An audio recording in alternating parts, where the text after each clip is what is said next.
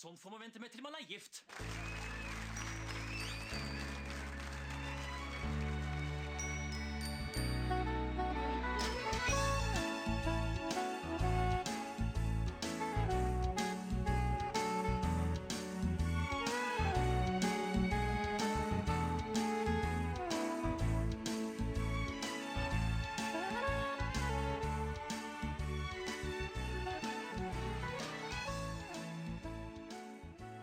Hallo, velkommen til en ny episode av Norsk film filmpodkast. Podkasten hvor vi ser norsk film med et kritisk, men kjærlig blikk. Mitt navn er Emil. Jeg sitter her som alltid med. Stefan heter jeg.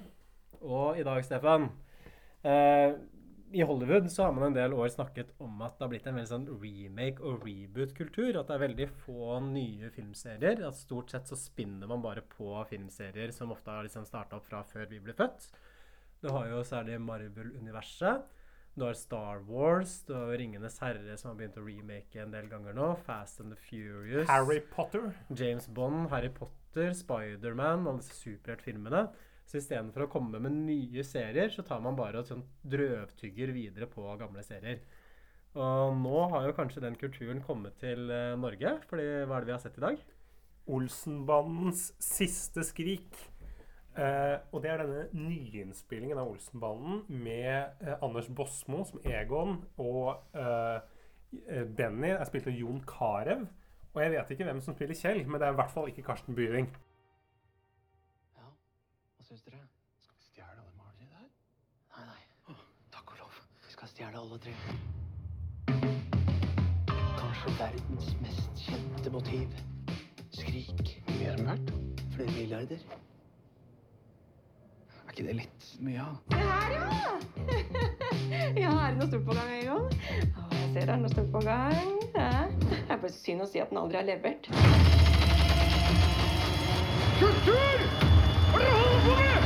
Det er Olsen. Olsen. De har tatt den.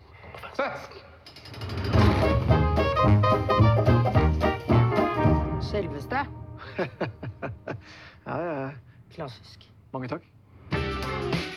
Hva er det dere driver og planlegger der, Egon?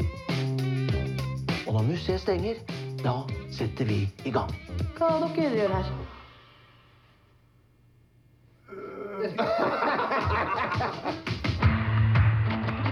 Sikkerheten her blir stadig bedre. Og ingenting å hente her. altså.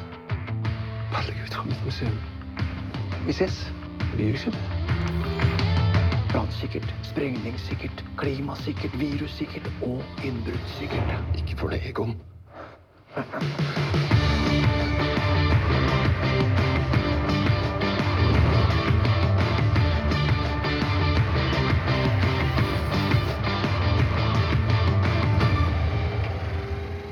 Hva gjør vi den dagen fienden banker på døren vår?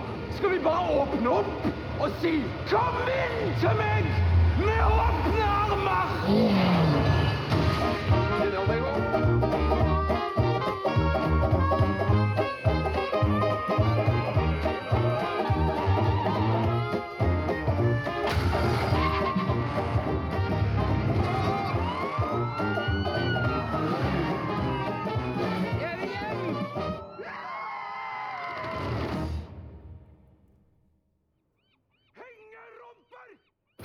Så det er, det Olsenbanden satt i nåtid. Og dette her, som du sier, med å drøvtygge og liksom, å, å bruke gamle Å spille på gamle hester, da. Det er, eh, det er jo, Man har gjort det mye barnefilm. Jeg tenker på en måte Knerten, liksom disse bøkene fra 50-60-tallet, Anne-Kat. Vestly, som er filmatisert på ny. 'Mormor og de åtte ungene'. Vi har eh, dere, Hva er det de der gjøkene med den som bor i en tunnel heter? Knutsen og Ludvigsen. Liksom, du, har, du har Eh, Blå, Blåfjell har vel vært en del runder av. Blåfjell òg, ja. Er det en ny Blåfjell-film Jeg tror det har vært, nei, ikke film, men julekalender. Det har vært en sånn to-tre ulike varianter. har det ikke? Ja, kanskje det. Jeg- datt datta liksom eh, eh, på jul på månetoppen. Da var det nok Blåfjell for meg. Nei, men uh, nå har det på en måte begynt å komme inn i spillefilmen. Ja, nå er det dette er en barnefilm, da, det vil jeg jo si, men også litt mer sånn film som er mynta på et allment publikum. At du har jo denne, og så var det vel en remake av Norske byggeblosser, var det ikke det? Også med Anders Bosmo i hovedrollen. Jo, og Så Fjols til fjells kom vel en ny innspilling av, gjorde det ikke det? Jo. Med, der er det vel er Bosmo der òg. Eh, Nils Fugt er i hvert fall med. Han spiller Carl i uh, Carl Ja. og co. Men dette er på en måte ikke en remake, mer som en sånn reboot. på en måte. Så det virker som man har tenkt at Olsenbanden skal bli mer som en sånn James Bond-serie. At man bare restarter serien det jevne mellomrom med nye folk i rollene. Så det er ikke så mange liksom, serier hvor det har fungert, egentlig. Så vi får se liksom, om det blir med denne ene Olsenbanden-filmen, eller om det kommer en ny serie på en sånn 14-15 filmer. Eh, hva, hvordan reagerte du, du er jo en Olsenbanden-kjenner, Stefan, da dette prosjektet ble annonsert? Jeg fulgte jo Olsenbanden tett på, på Facebook, og de har jo mange, mange grupper, disse folk her. Hei, eh, fanbanden, eh, Olsenbanden, bla, bla, bla. Dere har mye Facebook-grupper. Og da var det jo knytta store forventninger til den filmen. Noen avfeide dette her som bare sludder og vås. Skal det liksom komme en ny Olsenband nå? Ødelegge de gode minnene Karsten Byring og liksom hele den der gjengen her har skapt for oss. Uh, og jeg tenkte jo at dette her, det her må bli søppel, tenkte jeg. Ja. Det her har jeg null tro på. Og da jeg så at Jon Carew skulle spille Benny, da, da tok jeg av meg liksom bowlerhatten og gikk, altså. ble Ja, det er jo kanskje store sånn stuntcastingen i filmen. Eh, Anders Bosmo er jo et eh, ganske trygt valg. Det jeg syns er kanskje mest overraskende, er at de har valgt en såpass ukjent skuespiller til å spille Benny. Ja. Fordi, nei, ikke Benny, men Kjell. Fordi, Kjell, ja, han er... For det, det, det er- at liksom, for det har Anders Bosmo, som er jo en av Norges mest kjente skuespillere. Jon Carew er jo en av Norges mest kjente nordmenn. Og så har du en totalt ukjent fyr som fyller ut den tredje. Så det, Han havner jo veldig i skyggen av de to andre karakterene nesten umiddelbart. Jeg, bare, jeg syns det er så rar castingstrategi. Kunne man ikke fått sånn Jakob Oftebro eller en eller annen Tror du ikke han kunne funka Eller Nils Ole Oftebro. Eller Nils Ole, for den saks skyld. Eller Trond, Trond Espen Seim, eller, ja, eller, Trond Espen Seim som selv. Kanskje, kanskje Jørgen Foss. har spilt i Pitbull Terje. Eh, må, her må vi bare stoppe båndet litt. Hvem hadde vært din optimale Olsenbanden-cast hvis, du- hvis du var Håvard Breien og satt og skulle lage en film? Um, dette er kanskje å foregripe litt, men jeg syns faktisk Jon Carew gjorde en veldig veldig god rolle som Benny. Filmens beste Sludder og vrøvl! Nei, jeg syns jeg, jeg, jeg er filmens beste skuespiller. Uh, Benny er også filmens beste karakter. Så jeg ville beholdt, jeg ville beholdt Carew, og så tror jeg også ville holdt Anders Bosmo. Nei, jeg vil kanskje, kanskje liksom Ja, hvorfor ikke Jakob Oftebro? Kunne ikke det vært sånn interessant casting? Som sjef? Du, ja, som du tar liksom noen som skal være litt sånn hunk, og så bare kler han litt sånn der teite klær, får på noen briller, kanskje noen ekstra kilo, og så spiller han liksom mot typen. Han er jo bra, han er jo god nok skuespiller også til å kunne klare det. Han er jo ganske, ganske liten, Jakob Oftebro, er det ikke det? Ja, kanskje han er en liksom liten tass? Jeg vet ikke. Jeg tror han kunne fungert. Jeg tenkte mer sånn Du kunne eh, også hatt Anders Bosmo som Kjell, og så en annen som Egon. Jeg tenkte på en Håvard Lilleheie. Han blir for lik Anders Bosmo. Hva er din, ultimate cast? Det er Anders Bosmo som Kjell. eh, han i Kims-reklamene som Benny. Han det? Nei, jeg vet ikke hva han heter. Og eh, Håvard Lilleheie som Kjell. Nei, jeg syns at Håvard Lilleheie blir altfor lik Arve Oppsal. Da tenker jeg Håvard Lilleheie som jeg. Nei, Ja, fordi Arve Oppsal har sånn der gellhår med sånn, eh, sånn lyst blått hår. Det er akkurat sånn Arve ser ut. ja, rogalandsdialekt. Nei, men kanskje går må vi fise videre. ja, Vi må fise videre. Eh, under fortittelen i hvert fall i filmen så blir vi introdusert for Egon Olsen, nå altså gestaltet av Anders Bosmo, som vi hadde vært inne på. Han bor i en sånn nedtagga bygård sentralt i Oslo. Han skal gjøre et kupp med to typer som er kledd ut som bygningsarbeidere. Det er da Kjell og Benny. De har sånne store sånne gamerskjegg, begge to. Litt sånn som du ser på sånne folk som går på sånne ridderstevner og rollespillgreier. De har sånne skjegg som de har. Eller bikere, da. Og Du har hørt rykter om at det er en ny Frans Jæger-safe med verdier for hundretusenvis av kroner i et butikklokale som ligger nederst på Ryes plass, hvis jeg ikke ser helt feil. Oi, er det Grünerløkken, det her? Jeg tror det var der. Og det som er litt morsomt, da, ikke sant, det er at det Egon skal stjele, er noen sjeldne Nike-sko. Som tydeligvis omsettes for hundretusenvis av kroner, som han har inni en safe.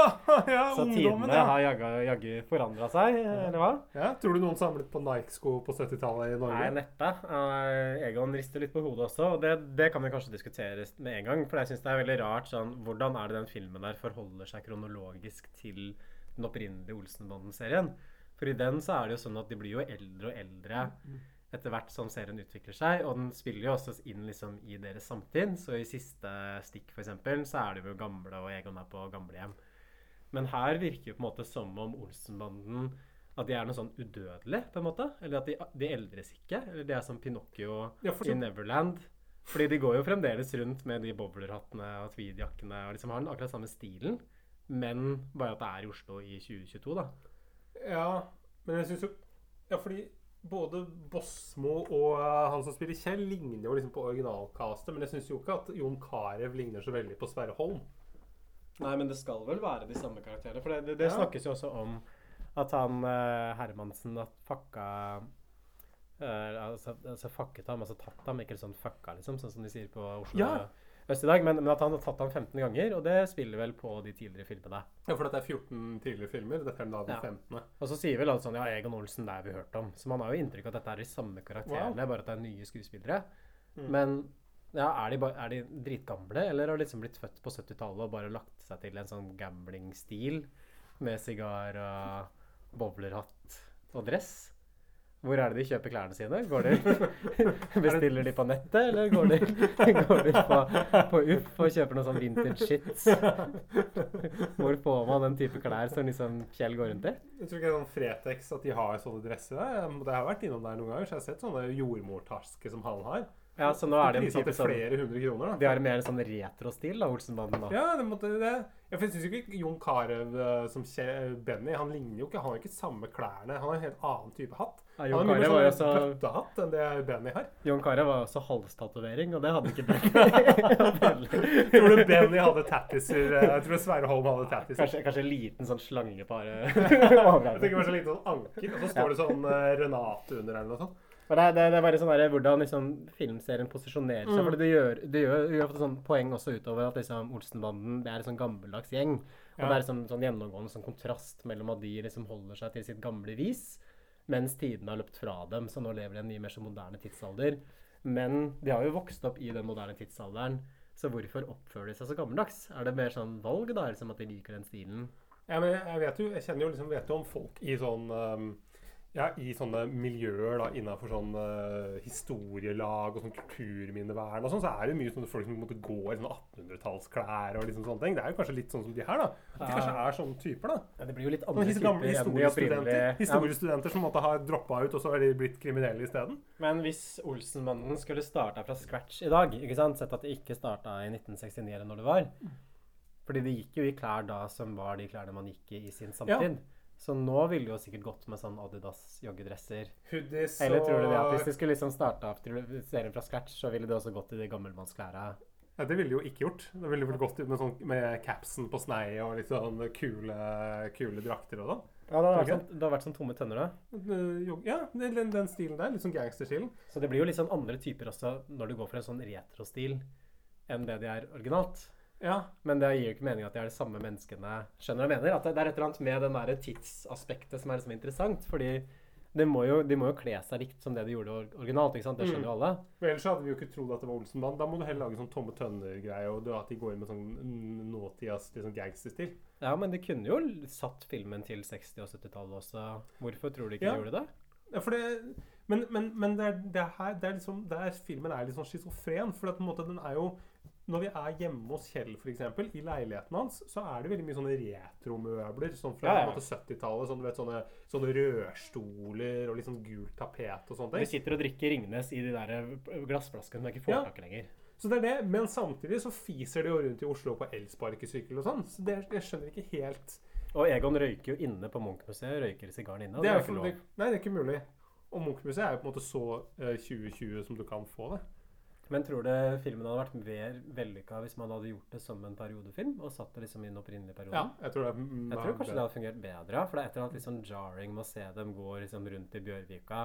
Da hjelper det kanskje ikke at hele filmen er satt i liksom det mest sånn høymoderne stedet i Oslo av en eller annen grunn. De, jo, de hadde ikke trengt å gjøre så stort nummer ut av at det er 2022 og liksom satt det på Kampen og Gamlebyen. Men kunne ikke det bare tatt Nasjonalgalleriet isteden? Ja. For det er jo der Skrik hang før. Mhm.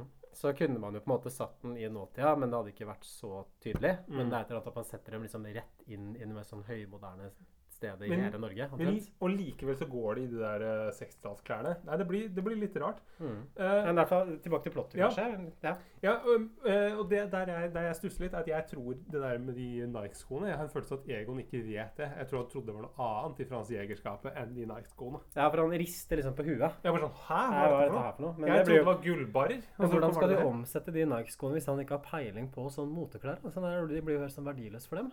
Kanskje han går til kunsthandleren som er spilt av Åtte Jesper? Ja, skal han selge sånn Nike-sko til 100 000 kroner bare? jeg, tror det, jeg tror ikke det har fått så veldig mye igjen for det kuppet. Det, det, det kuppet går skeis, fordi ideen er liksom at Kjell og Benny er jo utkledd som disse bygningsarbeiderne. Så skal de sette opp en litt sånn der impromptu byggeplass utafor det stedet som Egon skal rane. For man går ned i sånn Mens han går inn og tar safen. Og det, det, det, jeg vet ikke, jeg skal, jeg, jeg ikke dette, Hele episoden kan ikke handle om dette.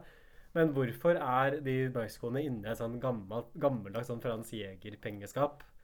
Hva slags, hva slags motebutikker er det som har det, har det, liksom? At de plasserer skoene sine inni en safe? Og i hvert fall sånn gammeldags sånn safe som du må vri rundt på et sånt hjul. du har jo sånn nummertastatur touchscreen på det er Men jeg kjøper jo det. Det er litt sånn at sånne folk liksom, de setter sånn svær sånn moped i, eh, i utstillingsvinduet sitt, og så selger de likevel moteklær. Ja, men dette her er på bakrommet til butikken, så dette er noe de Men kanskje det sto igjen? Kanskje det var sånn gammel kolonial, så tenker du sånn det er trygt inni her. Det er, Nike-skoene inni gamle, gamle safen fra 50-tallet. det er brant, spreng og dirkefritt. Tror du ikke det? Ja, det er ikke helt troverdig. Men uh, ja, i hvert fall, altså, de, de, Kjell og Benny utafor tiltrekker seg altfor mye oppmerksomhet mens de står og venter på at Egon skal bli ferdig med, å, med stetoskopet sitt på pengeskapet. Og de klarer å sette fyr på en presenning, og så får de brannalarmen til å gå. Så det ender med at Egon Olsen blir satt inn, da. Ja, og da, da møter vi jo Hermansen for første gang, og han er jo spilt av eh, Hva er det han heter? Vidar Hva er det han, han i Side om side? Uh, vet ikke. Vidar Er det Magnussen. Vidar Magnussen er det som spiller han.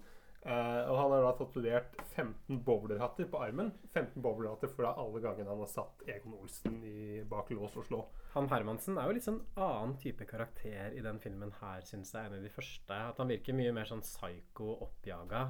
Sånn her, ja. manisk. Ja. Er du enig? Jo. Det er ikke den samme Men det er kanskje litt sånn som Hermansen er i de første norske filmene.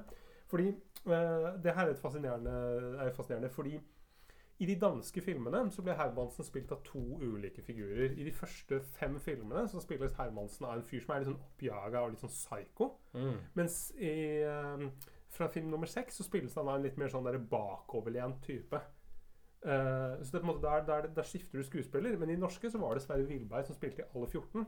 Og i de første så spiller han litt mer sånn psycho, og så går han opp, over til å bli en mer sånn uh, avslappa, liksom sånn eh, livstrøtt gammel fyr. Så kanskje det er planen her også. Film 5-6 så blir det liksom mer sånn gamle, kjente Hermansen. For Ja. Jeg, jeg stussa. Jeg syns at det var en stor kontrast da, liksom med den originale serien. Men vi har vel aldri sett noen av de filmene fra da det er en sånn Psycho-Hermansen. Og det, det gleder jo du deg sikkert til å gjøre. at vi skal, Kan- kan eh, vi skal se vente. Olsenmannen. Vi må jo høre på lytterne våre, og dere er jo, dere elsker jo at vi snakker om Olsenbanen. Vi er jo Norges mest populære Olsenbanden-podkast, faktisk. Eh, noe vi er umåtelig stolte av. Spesielt jeg syns jo det er veldig gøy. Vi er vel Norges mest populære podkast i det hele tatt, er vi ikke det? Jo, faktisk. Faktisk. Men Ja. det er bare én av tingene da, hvor vi er veldig populære. I hvert fall Hermansen får oppdrag av en kulturminister som er spilt av Sigrid Bonde Tusvik. Og Tusvik er jo veldig kjent feminist, så jeg regner med at hun er veldig fornøyd med å liksom bidra til representasjonen av sterke kvinner på film. For det er veldig kult liksom at Olsenmannen går foran og viser at også kvinner kan være kulturministre. Syns ikke det? At man trenger, man trenger noen rollemodeller. da, ikke sant? Tenk på alle de unge jentene som sitter og ser Olsenbanden siste skrik på kino. Og har du kanskje lyst til å bli kulturminister, men de tenker sånn ja, Trond Giske, det er ikke helt meg, liksom. Det er en mann.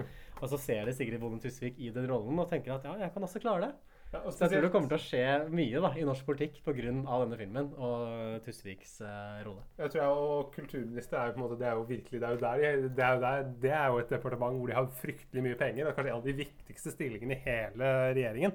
Men uh, som alltid når, uh, når Sigrid Bonde Tusvik er i nærheten, så er hennes makker Lisa Tønne like om hjørnet. Mhm. For Lisa Tønne eh, er da spiller også i denne filmen. Ja, øh, fordi det som skjer er jo at Devon Olsen blir satt inn, og så får vi liksom den klassiske starten på alle Olsenmannen-filmene ved Oslo kretsfengsel. Kjell og Benny står utafor, men nå står de ikke aleine lenger, for de står med masse sånn kriminelle gjenger. Så igjen så har tidene forandra seg. For det er liksom ja, folk som står liksom med BMW, og de er skalla, og de står i singlet med tattiser og er litt mer G's da, liksom, enn det Olsenmannen er. Og sånne metallic-biler, sånn, litt sånn Fast and the Furious-biler. Og så kan du jo liksom tenke deg at har Håvard Breien, som er regissør her, har han hentet bilene fra Burning, som han også har regissert? Kanskje? Er det liksom en del av det? Og cast og sånn? Er det Ja, det blir jo liksom interessant også å tenke at Olsenmannen eksisterer i denne kriminelle underverdenen, så de måtte navigere seg mellom sånn A- og B-gjengen i Oslo. Hvordan funker det for dem, egentlig? De brekkene som de gjør. Det blir jo litt for avansert for dem. Tror du? Men det er liksom, filmen skaper så mange problemer. Det er, det, er, det er helt umulig å tenke seg at sånne folk som Olsenmannen faktisk fins i dette filmuniverset. Nei. Og det er jo store problemer i filmen også, fordi du kjøper det litt inn i de originale filmene. Mm. Fordi det er liksom satt i en sånn 60-70-tallssetting. Men når du har på en måte sånn moderne Oslo av den gjengen til Lisa Tønne, de holder jo sikkert på med sånn narkotikaimport og liksom prostitusjon og hallikvirksomhet og alt sånn. Og så har man også liksom en sånn fyr som Benny, som han av Jon Carew, går rundt i en sånn hatt og tweedjakke, og Egon Olsen med den sigaren sin som driver og tar fra hans jegerpengeskap. Det det bare, det, det bare filmuniverset her henger ikke på greip, da. Ja, det er jo det, eh, Noe av det viktigste som kriminell er jo ikke å bli gjenkjent. Men på en måte, hvis, hvis de bryter seg inn i en gullsmedbutikk, så på en måte er det bare å si «Nei, han er jo gjøk med bowlerhatt og nålestripet dress og sigar som var innom og tok. Og da vet jo alle at det er jo, Det er jo Egon. du ser på kamera, så fyr med sånn finlandshette og Og en nålestripet bobler dress. og oppå en sigar som stikker ut av finlandshetta. Det er ikke troverdig. Men uh, Lisa Tønne, da, som du var inne på, hun spiller liksom Bøtta, som den gangsteren heter, som er lederen for en sånn kriminell gjeng. Ja. Og Lisa Tønne er jo også en kjent feminist, så hun også må jo være fornøyd med å vise at også damer kan være gangstere og være ledere for kriminelle organisasjoner i Oslo. Selv om jeg tror kanskje han har kommet litt lenger i det offentlige enn i det private næringslivet på akkurat likestillinga. jeg. Jeg tror ikke de har kjønnskvotering i gangstermiljøet i Oslo. Og Olsemannen drar hjem til Kjell for å drikke Ringnes og spise kake, og så kommer Valborg inn og bare latterliggjør Egon. Så det, det er veldig sånn klassisk oppsett. Eh, hva syns du om Valborgs karakter? Det er jo helt elendig dårlig sammenligna med Ernst Schønemann. Ja, er, jeg, jeg skjønner ikke hva hun skuespilleren prøver på engang med den rollen. altså. Jeg synes Charlotte Frogner er liksom Det er bare sånn, det er bare sånn plapring, bla, bla, bla. Snakker Ja. på inn- og utpust. Og det gjør jo Aud Schønemann noen ganger òg, men det er jo noe mer Aud Schønemann er jo en av de sterkeste i liksom både som skuespiller og liksom i Olsenmannen. Og så får blir det erstatta av det her, som bare er en sånn helt endimensjonal karakter. Ja, Det er kanskje det svakeste ved hele filmen, syns jeg, akkurat Valborg. Ja, den er dårlig. Jeg synes, men jeg syns faktisk ikke det var det svakeste ved hele filmen. Det kan vi komme tilbake til. Uh, det som viser seg, er at Hermansen har starta i en ny sånn Head of Security-stilling på det nye Munch-museet på Bjørvika. Og gjengen kjører da elsparkesykkel ned til Munch-museet, fordi tanken er at de skal rane Munch-museet ved å ta liksom de tre versjonene av Skrik som henger inn på det der avgrensa rommet i uh, tredje etasje, er det vel. Um, ja. Har du vært på Munch-museet? Kan vi ta det først? Arkitekturen, hva syns du? Uh, Yay or nay? Nei.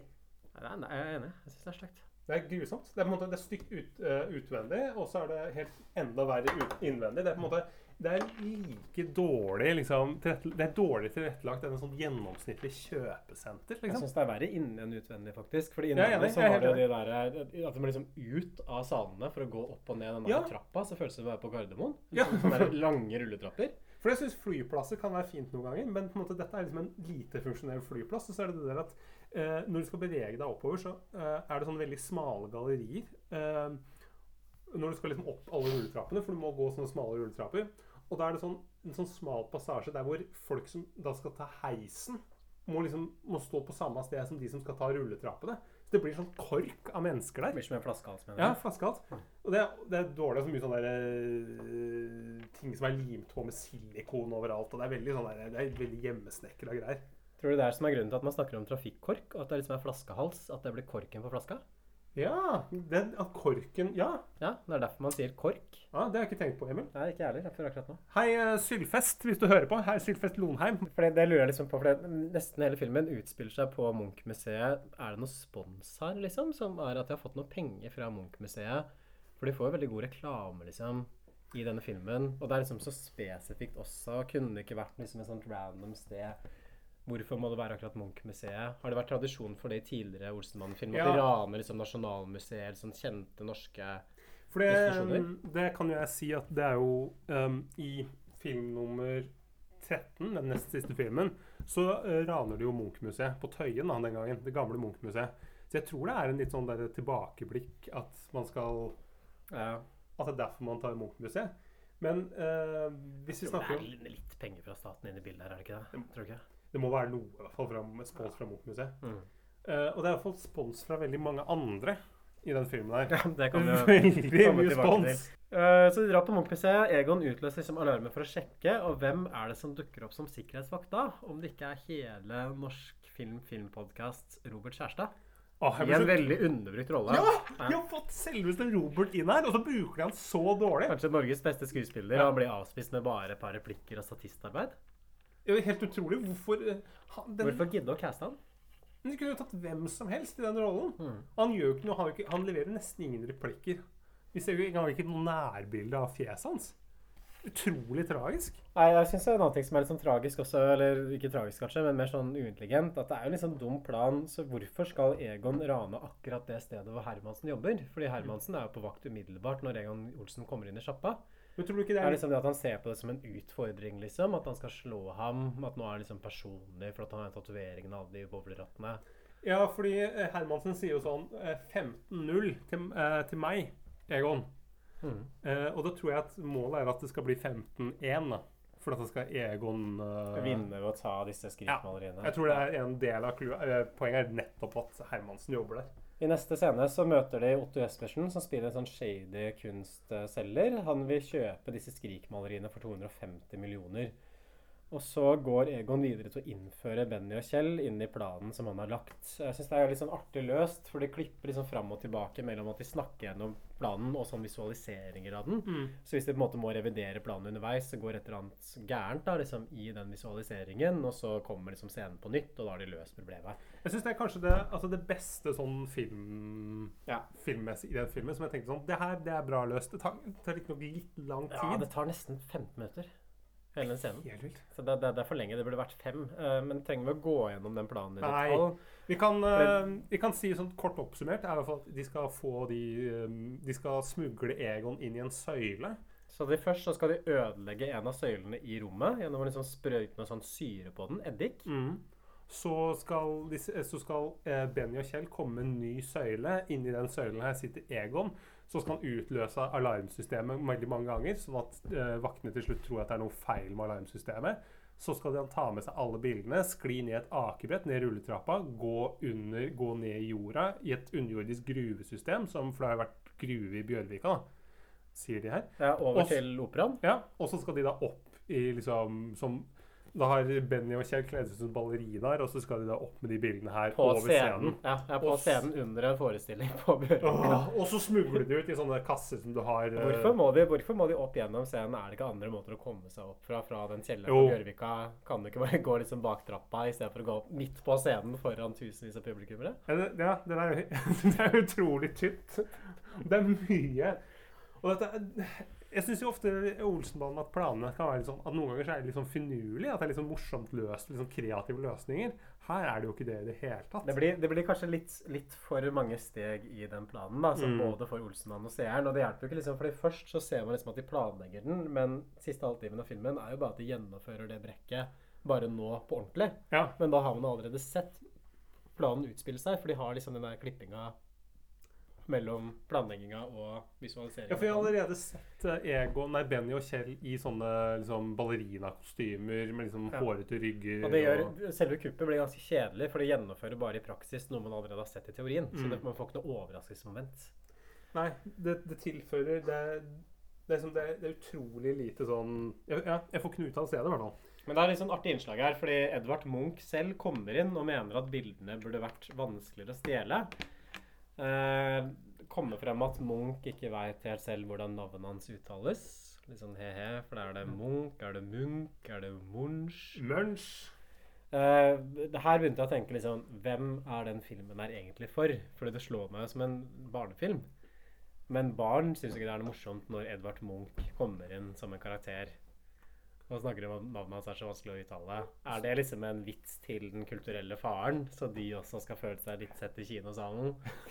Jeg tror det er det er sånn familierestauranten Egon som på en måte alle norske filmer prøver å imitere når de skal eh, være en kassasuksess.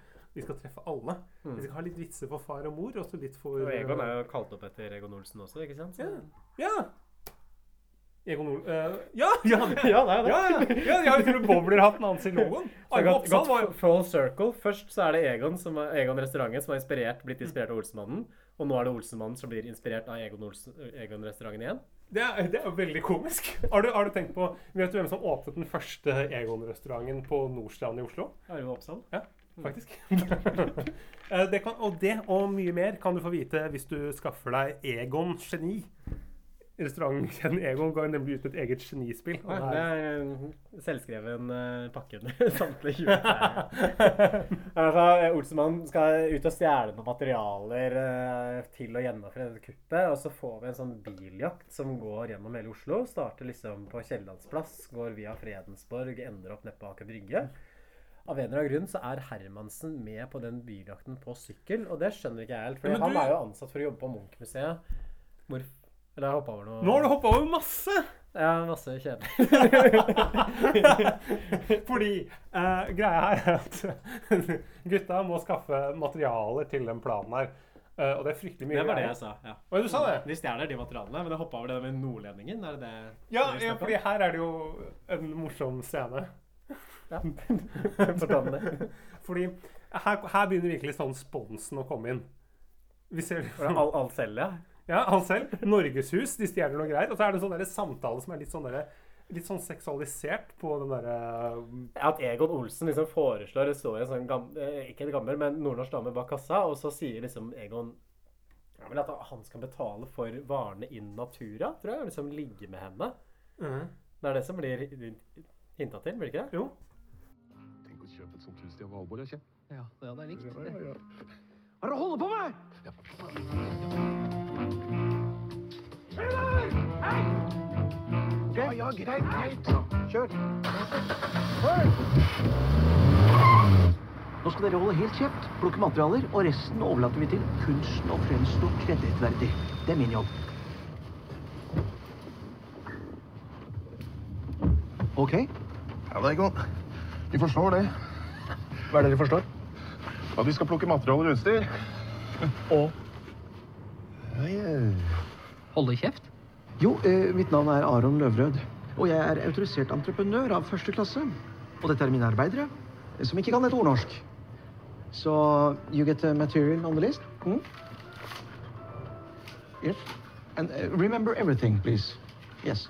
Thank you. Please. Ja, ja, ja, dette var da en umåtelig velorganisert forretning. Tusen takk. Ja, det er jo ikke alle som evner å legge merke til detaljene. Det kunne hende at dette vil bli mitt nye stamsted. Ja, Vi har ikke alkohol, men eh, kaffen vår den er sterk, den. Og så en Det er liksom Den karakteren til Egon er jo veldig lite seksuell altså i alle de andre filmene. Jeg tror det er toeren hvor han har et sånt slags forhold til en av sosialarbeider.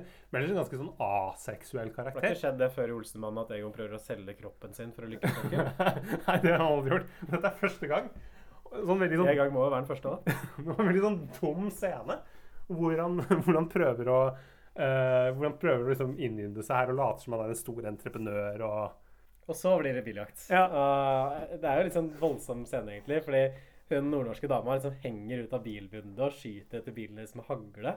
Så hvis det, det her hadde skjedd, så ville det jo vært en av de mest sånn dramatiske voldsepisodene i Oslos historie. liksom Væpna biljakt gjennom hele Oslo. I en sånn liten blå Alcel-bil. Ja. I hvert fall, Det ender jo at ranet går skeis, så det er vel Benny og Kjell som driter seg ut igjen. Og så tar Egon og henvender seg til Lisa Tønne for å få dem til å gjennomføre planen med ham istedenfor.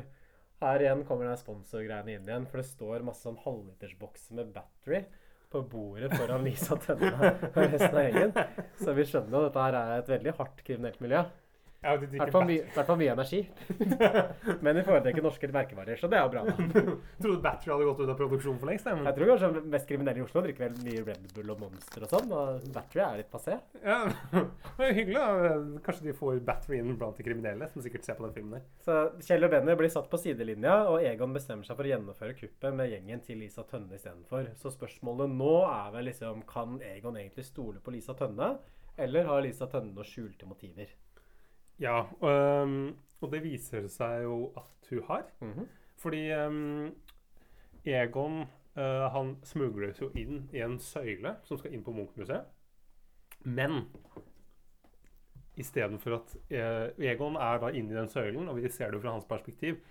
Og nå tenker, vi, nå tenker jo Egon at oi, nå er han på Munch-museet, han hører noen sånne der, liksom, guida turer. Men Nei da, når Egon åpner den lille luken i søylen som han skal se, eh, se ut av, så ser han rett ut på en sånn byggeplass med masse sånne eh, kraner og drit som holder på liksom, og skal akkurat til å knuse den der søylen. Og så har de bare satt på en sånn båndopptaker med disse guida turene. Ja. Hvorfor tenker du at det er nødvendig å ha båndopptakeren med de guida turene? For han hører jo også byggeplassen i bakgrunnen. Det er ikke svær nok, den lille Er det for at han skal, han skal bli lurt i 30 sekunder før han åpner en luke og skjønner at han vanskelig? Det er litt uh, mye sånn for Lisa Tønne og co. å ta seg bryet med å spille inn det på en kassett, sette ut den høyttaleren. Er veldig mye styr for ingenting. Ja. Samtidig så får de jo flere liksom, Det er jo mange millioner, 100 millioner kroner i vinst, eh, gevinst der. Så Spørsmålet er ville Egon Olsen klart å komme seg tilbake til Bjørvika hvis, eller hadde endra på noe hvis han ikke hadde opptaket med disse guida turene fra Munch-museet. Nei. og hadde hørt de jævla kranene i bakgrunnen uansett. Ja, ja, det, for det, det er jo høyere lyd, det. Ja, det er masse sånne Hvorfor er det masse last, eh, lastebiler og gravemaskiner inne på Munch-museet, tenkte jeg godt sikkert da. Ja, for det, det er liksom et sånt snes eh, med liksom forskjellige maskiner. og- Eh, men trioen klarer i hvert fall å komme seg tilbake igjen til Bjørvika. Og så får vi en sånn lengre sekvens nå hvor eh, Lisa Tønne gjennomfører dette kuppet, og så prøver liksom Egon, Benny og Kjell å stjele maleriene fra dem. Jeg vet ikke helt hva det er med meg, men jeg syns alltid de kuppene er liksom så kjedelige i Olsenmann-filmene. For det er, ikke noe, det er ikke noe spennende hvordan det går. For de veit at Olsenmannen kommer til å lykkes med å ta det de er ute etter, mm. men at Egon kommer til å bli satt inn for et eller annet på slutten av filmen. Ja, men det Så det er jo ikke noe nerve. Det, er liksom, det blir en sånn 90 min- Det er en halvtime kanskje på liksom å gjennomføre det kuppet. Og de gjør en grei jobb med å komme på ulike forviklinger underveis, men jeg syns den siste halvtimen er den mest uinteressante nesten alltid av de Olsenmannen-filmene som jeg har sett. Ja, men det er enig, for da, da, da greier de alltid bare å rote bort pengene, eller det Ja. skjer et eller annet. Men det fins noen da, hvor de, hvor de faktisk lykkes å få dra til eh, Mallorca eller Gran Canaria. Mm. Hvor, og, og med pengene alltid beholdt. behold. Så det er, det er noen, altså. Men i denne filmen her så går det omtrent sånn som det pleier, fordi det klarer liksom å få Hermansen til å utløve en dessør på disse skrikbildene, og får 10 millioner derfra. Og så blir Egon arrestert pga. den greia med byggematerialene og hun nordnorske dama tidligere i filmen. Så filmen slutter med at Egon sitter i fengsel med Otto Jespersen, og så Benny og Kjell er ute på cruise, da. Ja, med Hurtigruta, som da også har sponset uh, den filmen her. Ja. Denne gangen her så vil de ikke til Mallorca, men de vil reise Ta med Hurtigruta, selvfølgelig, som er det man velger hvis man er Benny og Kjell. Og Åh, det er mye, mye spons. Men filmen har en dedikasjon til slutt. En ærverdig takk til Arve Oppsal, Sverre Holm, Karsten Byring, Sverre Wiberg, Aud Schønemann og regissør Knut Bovim, som gjennom sine mange filmer om Olsenmannen begeistret norske publikum og skapte historie. Men var det ikke en regissør til, egentlig? Knut Andersen han hadde han regissert én film, og så var det og så var det en til som hadde Ove Kant regisserte film nummer to. Hvorfor er ikke de takka? Fordi at Kanskje for at uh, manusforfatteren og regissøren ikke kjenner godt nok til Ikke likte de filmene så godt? Jeg syns den med Knut Andersen kanskje er den beste. Ja, Eller de begeistra ikke norske pu- kinopublikum og skapte ikke historie. Hvem er Sverre Wiberg? Er det han Vi- som spiller basse? Hermansen. Hermansen. Vil- Vilberg heter han. Mm. Vilberg. Han i den tweed-dressen. Han er kanskje den beste rollen i hele Olsenmannen. Kunne jo takka Harald Eide Steen også, kanskje? eller? Det syns jeg var litt smålig, faktisk. Ja. Og kanskje han som spiller basse òg, er Pål Johansen. Hvorfor ikke? Eller Øyvind eh, Blunk burde kanskje bli kasta. Ja, Hva med manusforfatterne? Hvor er de? Ja, øh, Henning Bas og øh, Hva faen han andre heter? Jeg kommer ikke på hva han heter. Men ja, dansk i hvert fall. Men har du noe mer å si om handlingene før vi går over på liksom mer fri diskusjon? Nei, øhm, det, det som skjer, er i hvert fall Lisa Tønne blir jo fengsla, og Ja. Og det er vel det? Får som fortjent, ja. Det er sånn, igjen, det er spørsmålet som jeg stilte meg selv gjennom hele filmen, egentlig. Hvem er målgruppa for den filmen der? Er det barn? Er det voksne folk? Er det gamle Olsenband-fans? som Vil ha litt sånn nostalgi? Prøver man liksom å tekkes veldig mange nye Olsenband-fans? For det, sånn som det virker for meg, er at filmen står i en veldig sånn skvis mellom alle disse målgruppene og prøver å tekkes alle. Mm. Og ender kanskje opp med å ikke tekkes noen i det hele tatt. Nei, men jeg er enig der. fordi tilbakeblikkene til liksom det, er, det veldig mye tilbakeblikk til liksom, de gamle Olsenbanen-filmene. Det er dette her med at det er de klassiske liksom, linjene Helmaks, Egon eh, At he, eh, Egon kaller banen sin for hengerumper og pappskaller og Mm. kjøtthuer. Og at eh, Også det stilen deres at de kler seg likt, ikke sant, som i originalfilmene. Ja, bot, og botsfengsel er med. De står, eh, en, Benny og Kjell står utenfor botsfengsel når Egon kommer ut derfra Med med norske norske flagg, flagg. ja. Og det er uh, Kari Simonsen, som har spilt i liksom, uh, en, én av de gamle Olsenmannen-filmene, har en liten rolle helt i Mm. Det er det, er det der at vi skal lage Nikke hele tiden. Ja, nikke til fansen. Og så er det dette her uh, En av de beste er jo når eh, Jon Carew kjører eh, han, han kjører jo nemlig ikke en sånn gammel, gammel amerikaner fra start. Han gjør det etter hvert. Fordi vi må jo nikke til de som liker amerikanere òg. Men han er med i bilkollektiv.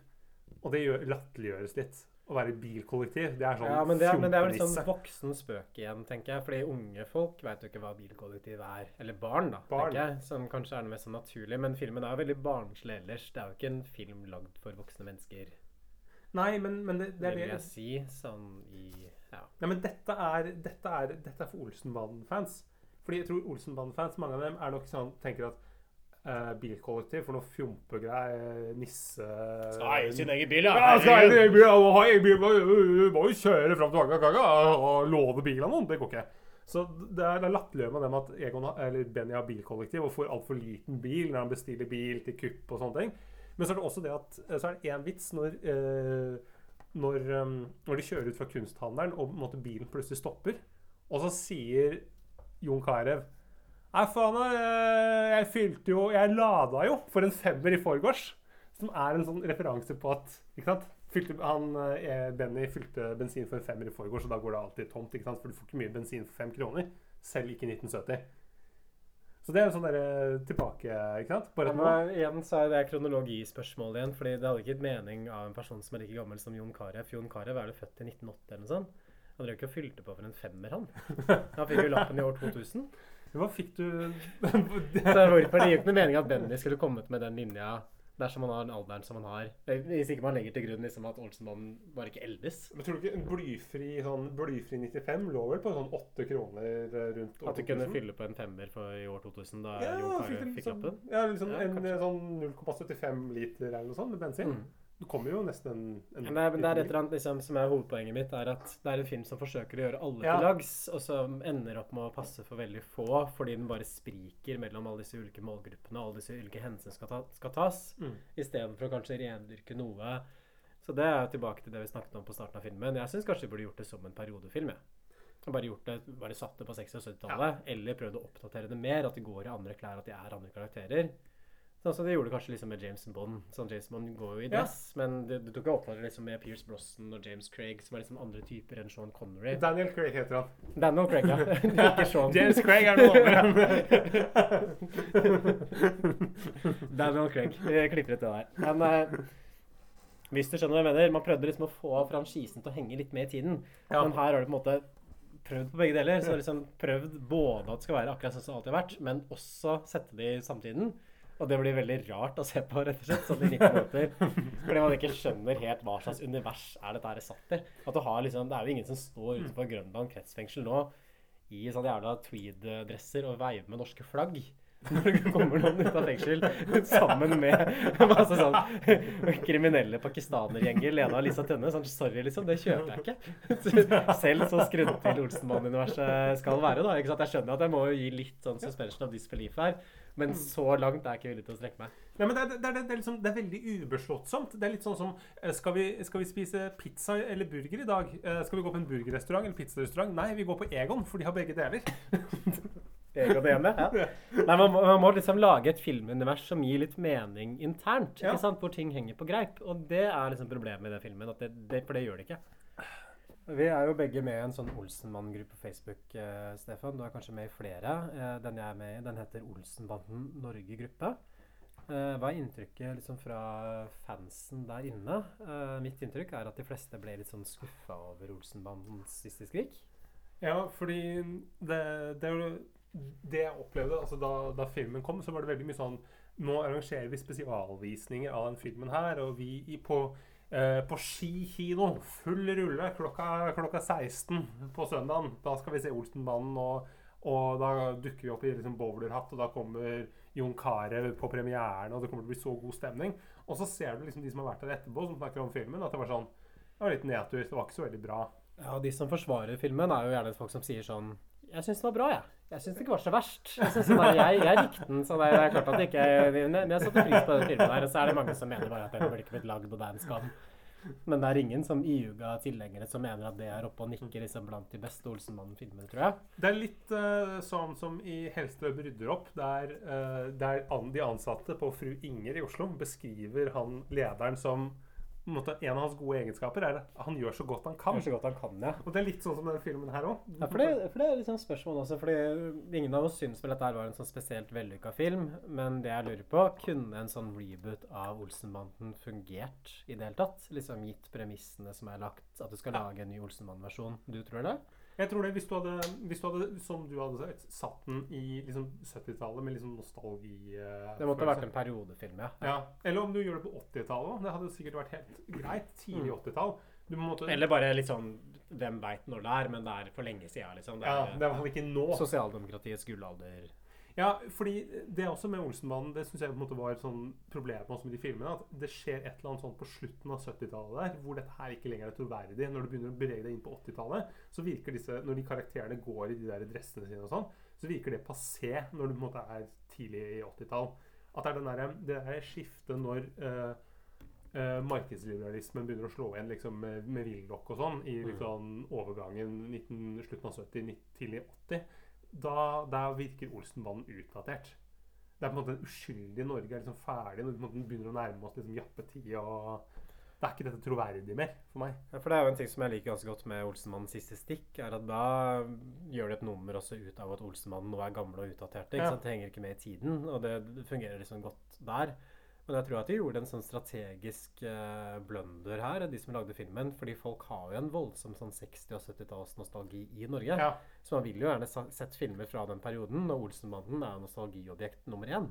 Okay. Så hvorfor de insisterte liksom på å legge hele filmen i Bjørvika rundt Munch-museet, en sånn plott som ikke hører hjemme i en Olsenmannen-film, i omgivelser som ikke passer liksom til dem, det forstår jeg ikke. Med mindre liksom at det er snakk om finansiering, at det er en sånn økonomisk årsak til at du gjorde det. Det hadde vært mye bedre bare hvis man først skal gjøre det. Bare lag en helt streit Olsenmann-film. ikke sant? For de skal bryte seg inn på en eller annen bank, et eller annet hvelv, og du har dynamittere som kommer inn, de er liksom på kampen der, drikker pils på lokale kafeen.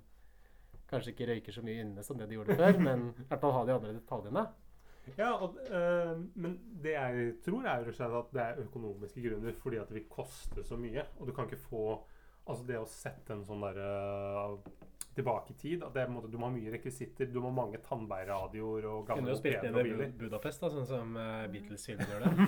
Det Nei, jeg, jeg, jeg tror ikke det. Fordi det har kosta veldig mye, men den Olsenmannens siste skrik også. Fordi de har jo masse se- utendørsscener av folk som klatrer opp Munch-museet. Biljakt tvers gjennom Oslo. Men de hadde At du ikke- kunne lagd en periodefilm på et lavere budsjett enn dette her, tror jeg. Ja, Men de hadde ikke Alcel eller Norgeshus i 1970. Så hva skulle de Du gjort da? måtte blitt sponsa av så gamle merker. Joikakaker og sånn som Du ikke har endra design siden 70-tallet.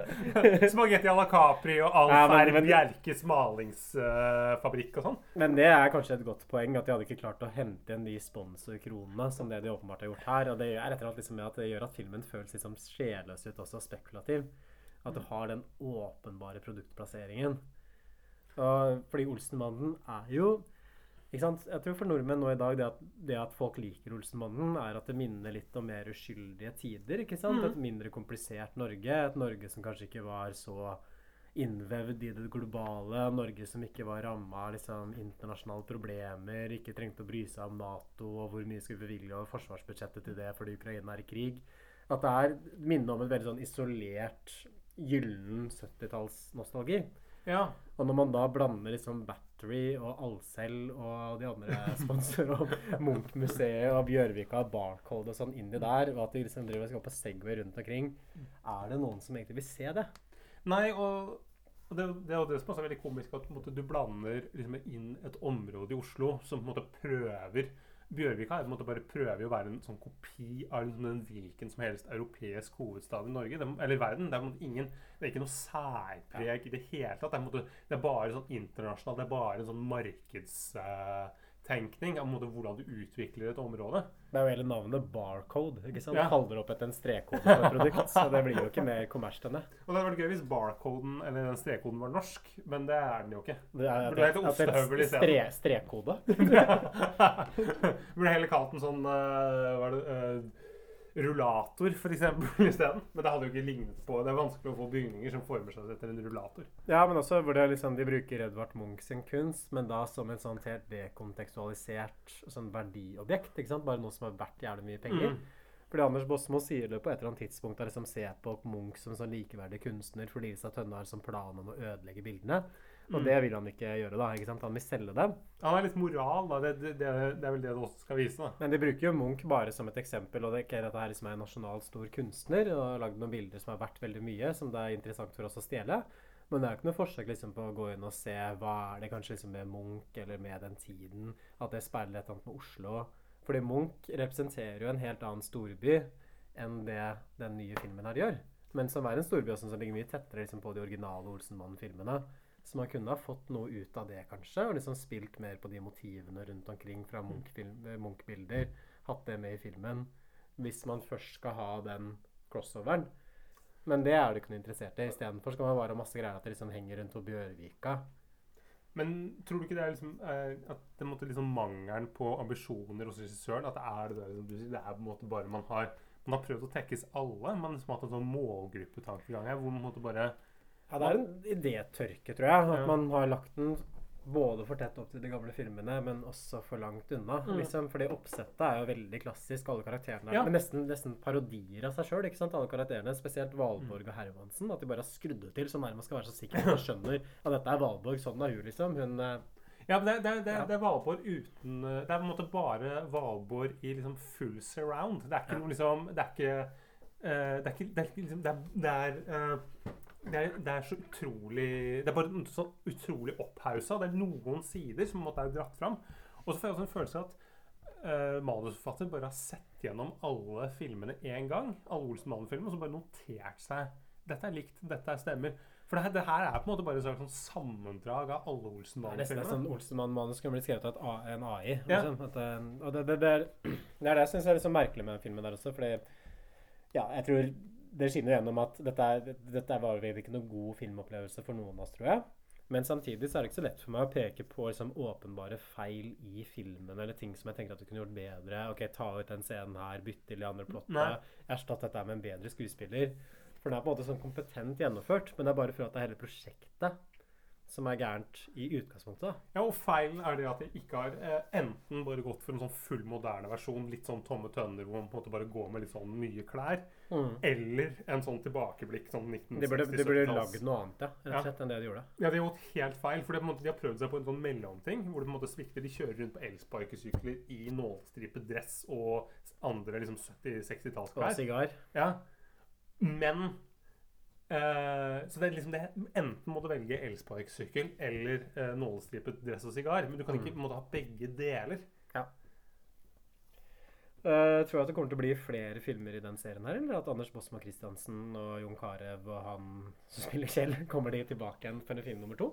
Nei, uh, det må jeg bare si. Jeg oppfordrer deg, uh, Anders Bosmo, til at du ikke sier ja til flere filmer, selv om du kommer til å tjene fryktelig godt på det. Så vær så snill å si nei. Mm. Behold den kunstneriske autoritet.